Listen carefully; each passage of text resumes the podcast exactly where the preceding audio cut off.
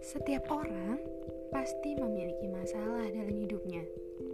Percintaan, pertemanan, keluarga, pekerjaan, atau kehidupan sosial lainnya. Banyak orang yang merasa sendiri dalam setiap permasalahannya. Jangan takut.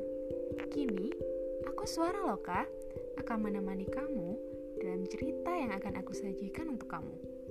Agar kamu tidak merasa sendiri lagi. Sahabat keluh kesahmu.